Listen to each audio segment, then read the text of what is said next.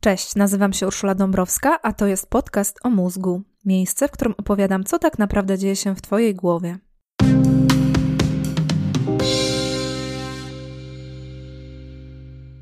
Na co dzień robisz to, co robisz, myślisz tak, jak myślisz i czujesz, co czujesz. Ale właściwie dlaczego tak, a nie inaczej? Uważam, że jest to pytanie zasadnicze. Hardware i software człowieka fascynują mnie od lat i chcę się tą fascynacją dzielić z Tobą. Dlatego właśnie umysł, mózg i różne aspekty psychiki to tematy kolejnych odcinków tego podcastu. Chciałabym Cię poprosić o polubienie strony Podcast o Mózgu na Facebooku lub zapisanie się do newslettera na mojej stronie. A jeśli ten odcinek Ci się spodoba i zechcesz się odwdzięczyć, to kup mi kawę na buycoffee.tu łamane na podcast o mózgu. Link do tej platformy znajdziesz na mojej stronie www.urszuladabrowska.pl. Nie wiem jak u ciebie, ale u mnie jesień. Jesień przywołuje mi mnóstwo wspomnień o studiach. Przy okazji pozdrawiam ciepło Wydział Biologii Uniwersytetu Warszawskiego. No i tak, studia, wiadomo, wejściówki, kolokwia, egzaminy. Ja wiem, że do sesji jeszcze trochę, ale jeśli jesteś studentem, to zdradzę ci sekret. Ani się obejrzysz, będzie koniec semestru i na żadne podcasty już nie będziesz mieć czasu. Dlatego właśnie teraz, czyli na jesieni, jest najlepszy czas, żeby zastanowić się, jak się uczyć bo potem to już będziesz mieć co innego na głowie. Drogi studencie, ten odcinek jest specjalnie dla Ciebie. No dobrze, od razu się przyznam, jest też trochę i dla mnie. Próbuję sobie tym tematem załatwić całkiem osobistą sprawę. Ta sprawa to kolendy. Wiem, jeszcze nawet w galeriach nie grają Last Christmas, ale dla mnie to jest ten moment w roku, kiedy postanawiam. Postanawiam i obiecuję sobie, że na święta zagram rodzinie coś na pianinie. Co najmniej Jingle Bells przybierzeli i Lulajże. No i uwaga, chwila prawdy. Dokładnie tak samo obiecuję sobie już od kilku lat, więc jakby to powiedzieć, bez szału. Nie udało się rok temu, dwa lata temu i trzy. No ale nie poddaję się i w tym roku znów spróbuję. Ktoś powie konsekwencja, ktoś inny, że naiwność. Zobaczymy. W każdym razie ten odcinek jednocześnie robię dla Ciebie i dla siebie, żeby wspomóc proces edukacyjny podbudową teoretyczną. A może nie jesteś już uczniem ani studentem, ani nauczycielem, ani edukatorem i nawet nie uczysz się po godzinach obcego języka, tańca czy gry na jakimś instrumencie. Nie? No to wielka szkoda. Omijacie wielki kawałek ludzkiego potencjału. Tak czy inaczej polecam ten odcinek. Znajdziesz w nim kolejną dawkę wiedzy o mózgu, a po to przecież zaglądasz do tego podcastu. No to go, zaczynamy. Cztery filary uczenia się wzięłam z książki Stanislasa de Anne. To jest Francuz, więc w jego nazwisku jest bardzo dużo literek, których się nie wymawia. Przeliteruję to nazwisko dla porządku. Stanislas de An.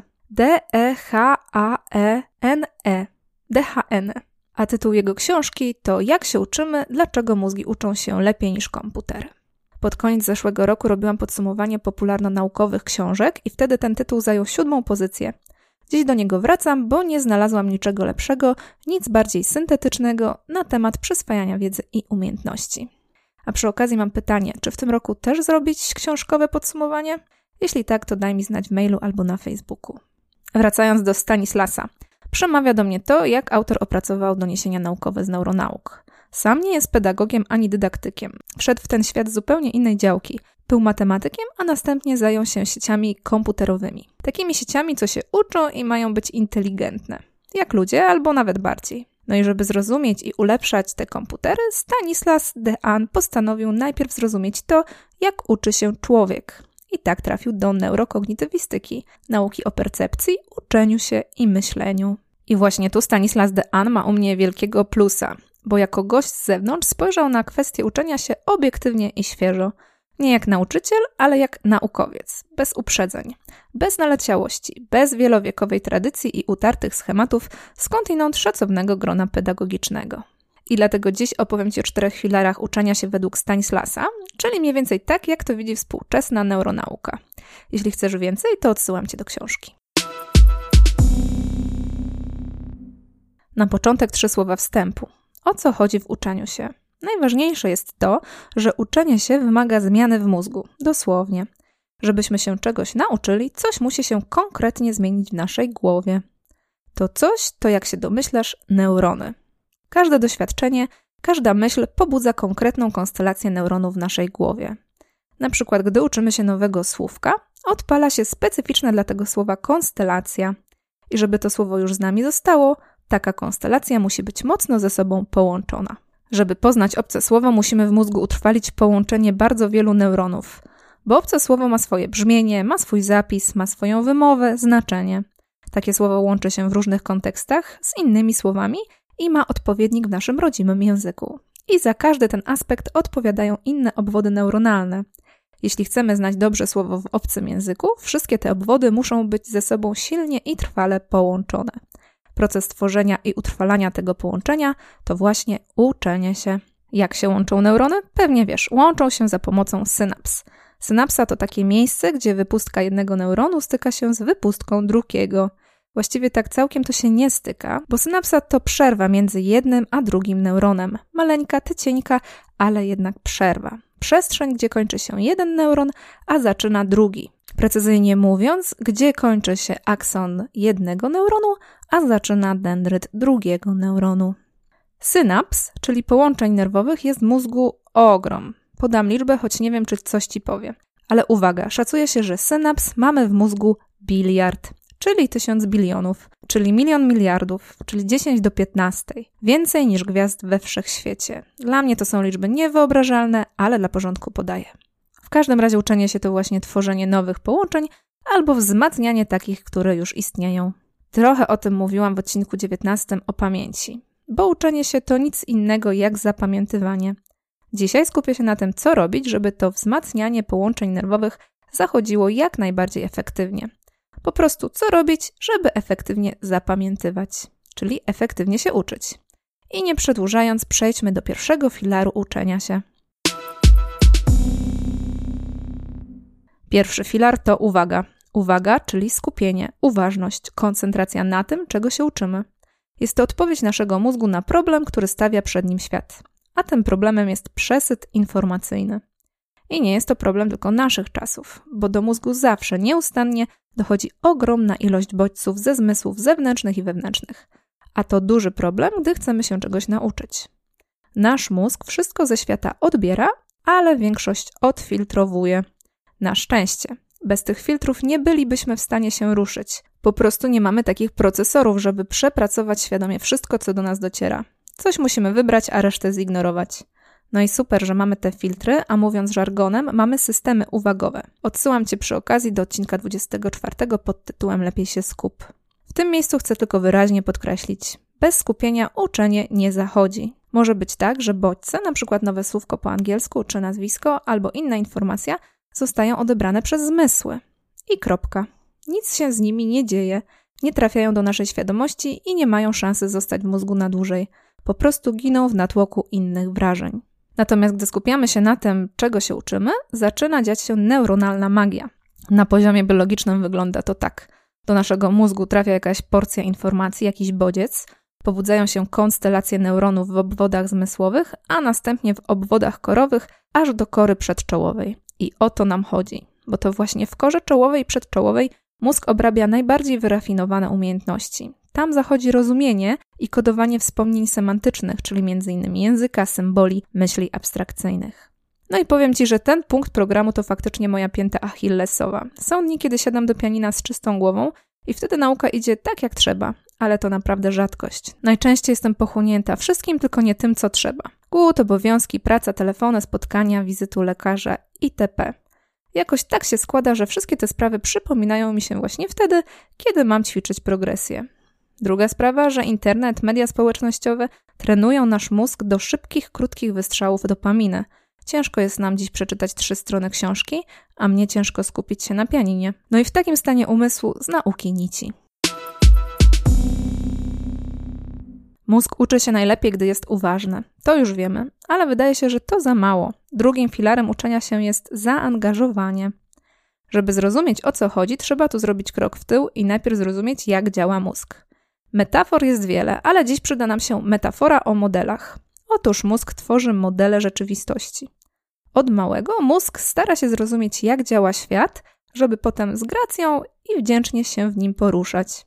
W tym celu mózg tworzy modele przestrzeni i praw fizycznych. Dzięki temu wiemy na przykład, że jeśli podrzucimy piłkę, to ona spadnie, a jeśli upuścimy kanapkę, to trzeba jej szukać na podłodze, a nie na suficie. W podobny sposób mózg tworzy modele wszystkiego: modele językowe, modele relacji społecznych, modele matematyczne.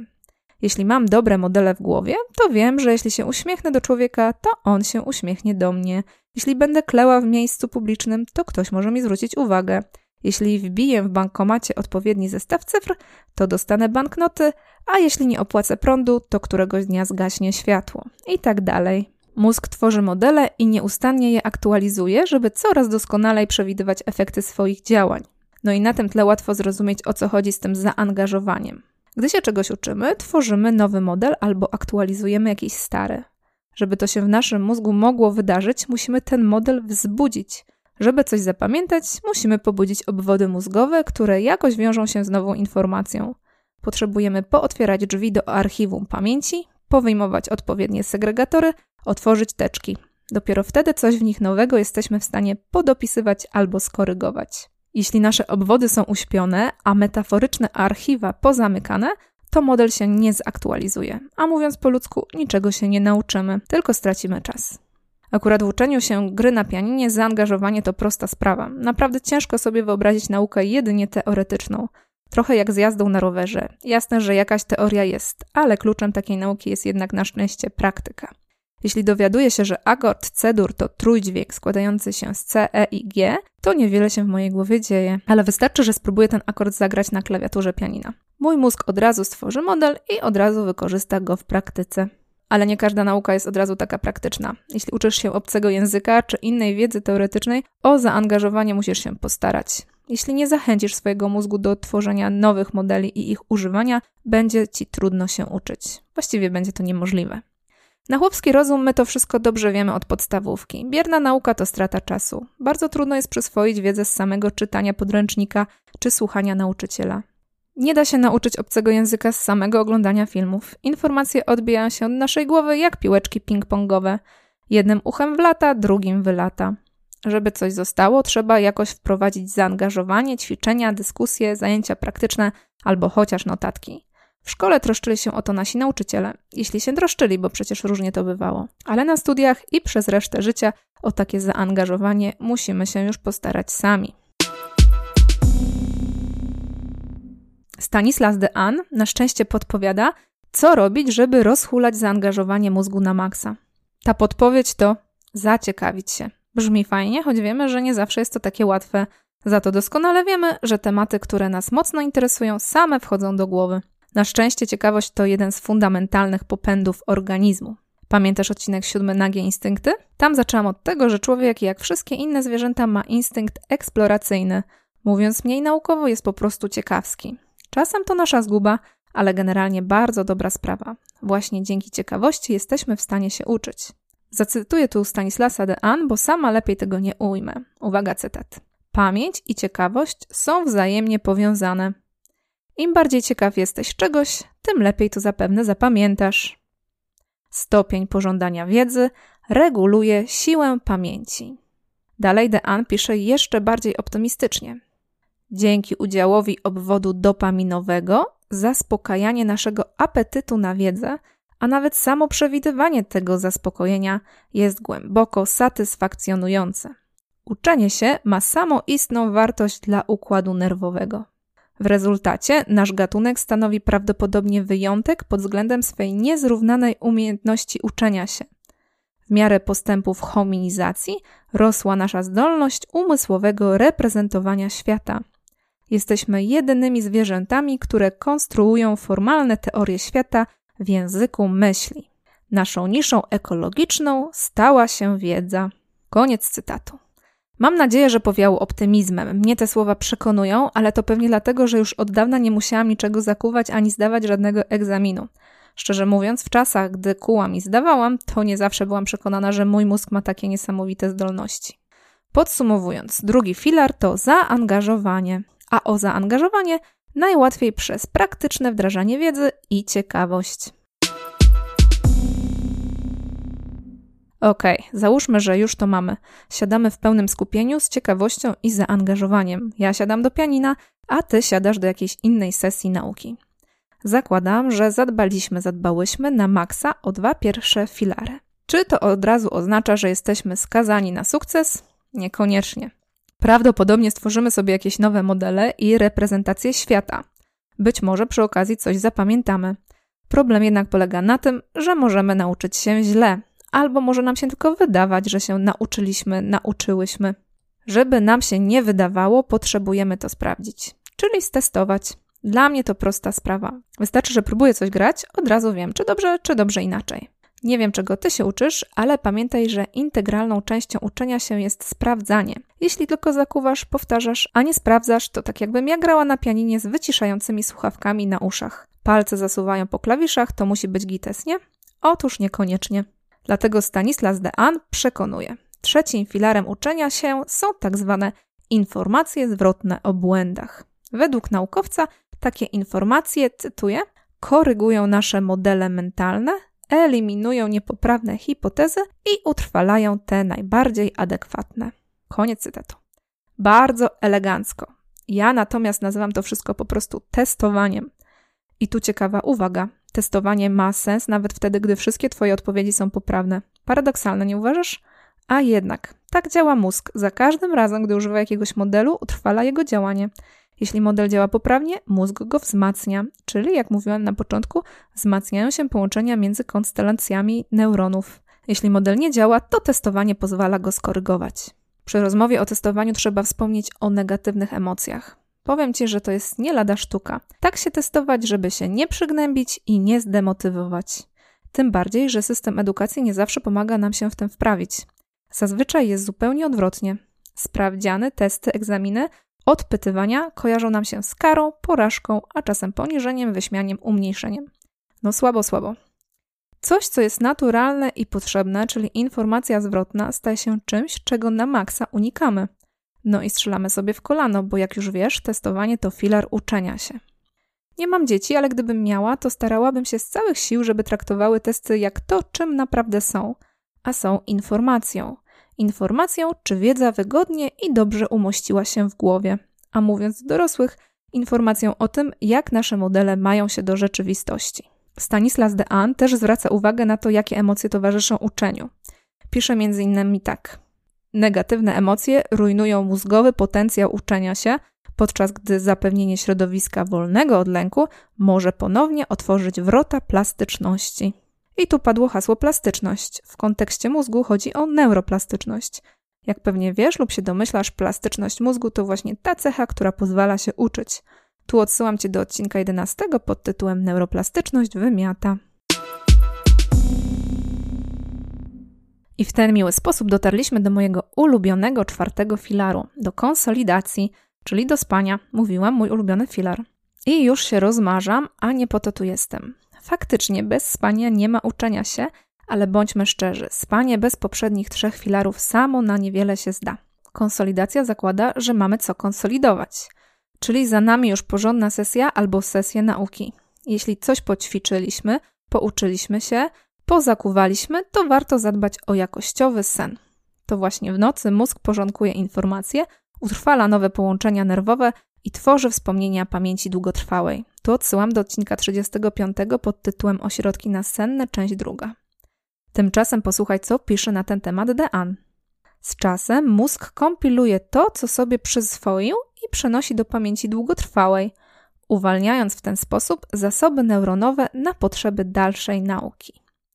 Zasadniczą rolę w procesie tej konsolidacji odgrywa powtarzanie. Nawet sen, daleki od tego, by być okresem bezczynności, stanowi szczególny czas, w którym mózg odtwarza swoje minione stany w większym tempie i przeprogramowuje zdobytą w ciągu dnia wiedzę. Koniec cytatu. To jest przesympatyczne ze strony mózgu, bo on sam z siebie trenuje w nocy to, co my próbujemy w ciągu dnia przyswoić. Akurat w kwestii uczenia się gry na pianinie dobrze to zbadano. Sekwencje motoryczne powtarzane w dzień przez pianistę są w czasie snu powtarzane przez jego mózg. I to w dodatku w przyspieszonym tempie. Dzięki temu po nocy granie progresji idzie mi dużo lepiej, pod jednym warunkiem, że rzeczywiście w dzień potrenuję. Czarów nie ma. No i lądujemy. Czas na krótkie podsumowanie. Czy uczysz się, czy uczysz innych? Pamiętaj o czterech filarach. Pierwszy to uwaga, zadbaj o skupienie, usuń rozpraszacze, wyreguluj emocje, odłóż wszystkie sprawy na bok, zjedz lekkostrawny posiłek. Jeśli przeznaczasz czas na naukę, to rób dokładnie to i tylko to. Ucz się. Multitasking w każdym wypadku jest kiepskim wyborem, ale przy nauce to totalny autosabotaż. Drugi filar to zaangażowanie. Nie wystarczy przyjmować informacje, słuchać, czytać, oglądać. Czego byś się nie uczył, uczyła, koniecznie próbuj się zaangażować. Zbudź w sobie ciekawość, szukaj praktycznego zastosowania, wcielaj wiedzę w działanie. Trzeci filar to testowanie. Sprawdzaj, jak ci idzie. Testuj się sam sama albo proś o informację zwrotną inną osobę. Kontroluj na bieżąco, jak ci idzie nauka. Zapamiętujesz teorię? Brawo. Wcielasz ją poprawnie w życie? Gratulacje. A może zupełnie nie, może zupełna klapa. Nic nie szkodzi. Jeśli się testujesz, a wychodzi błąd, to i tak odnotuj sukces. Korzystasz z trzeciego filaru uczenia się, a to kluczowe. Czwarty filar. Śpij porządnie między kolejnymi sesjami nauki. Co oznacza jednocześnie? Rozkładaj sesję uczenia na kolejne dni, a nie komasuj sobie nauki na kilka dni przed koncertem, sesją czy egzaminem. Mózg chętnie się uczy i chętnie konsoliduje wiedzę, ale pod jednym warunkiem, gdy dajesz mu na to czas wiele dni i wiele przespanych nocy. No i tak w skrócie wygląda przepis na uczenie się. Wiem, nie jest to żadna sztuczka magiczka. Co zrobić? Mózg jest wspaniały, niewiarygodny, a umysł to cud nad cudami, ale mają swoje ograniczenia. Nauka to proces fizyczny, zmiana na synapsach, a fizyki nie oszukamy. Reakcje chemiczne muszą się wydarzyć, procesy trwają. Nie oczekuj niemożliwego. Natomiast śmiało optymalizuj swoją naukę dzięki czterem filarom Stanislasa Dean. Ja zmykam do pianina. Będę uważnie, z zaangażowaniem trenować i samotestować swoje postępy. A potem wiadomo, najmilsza chwila dnia boarding do śpiul lotu. W imię nauki rzecz jasna.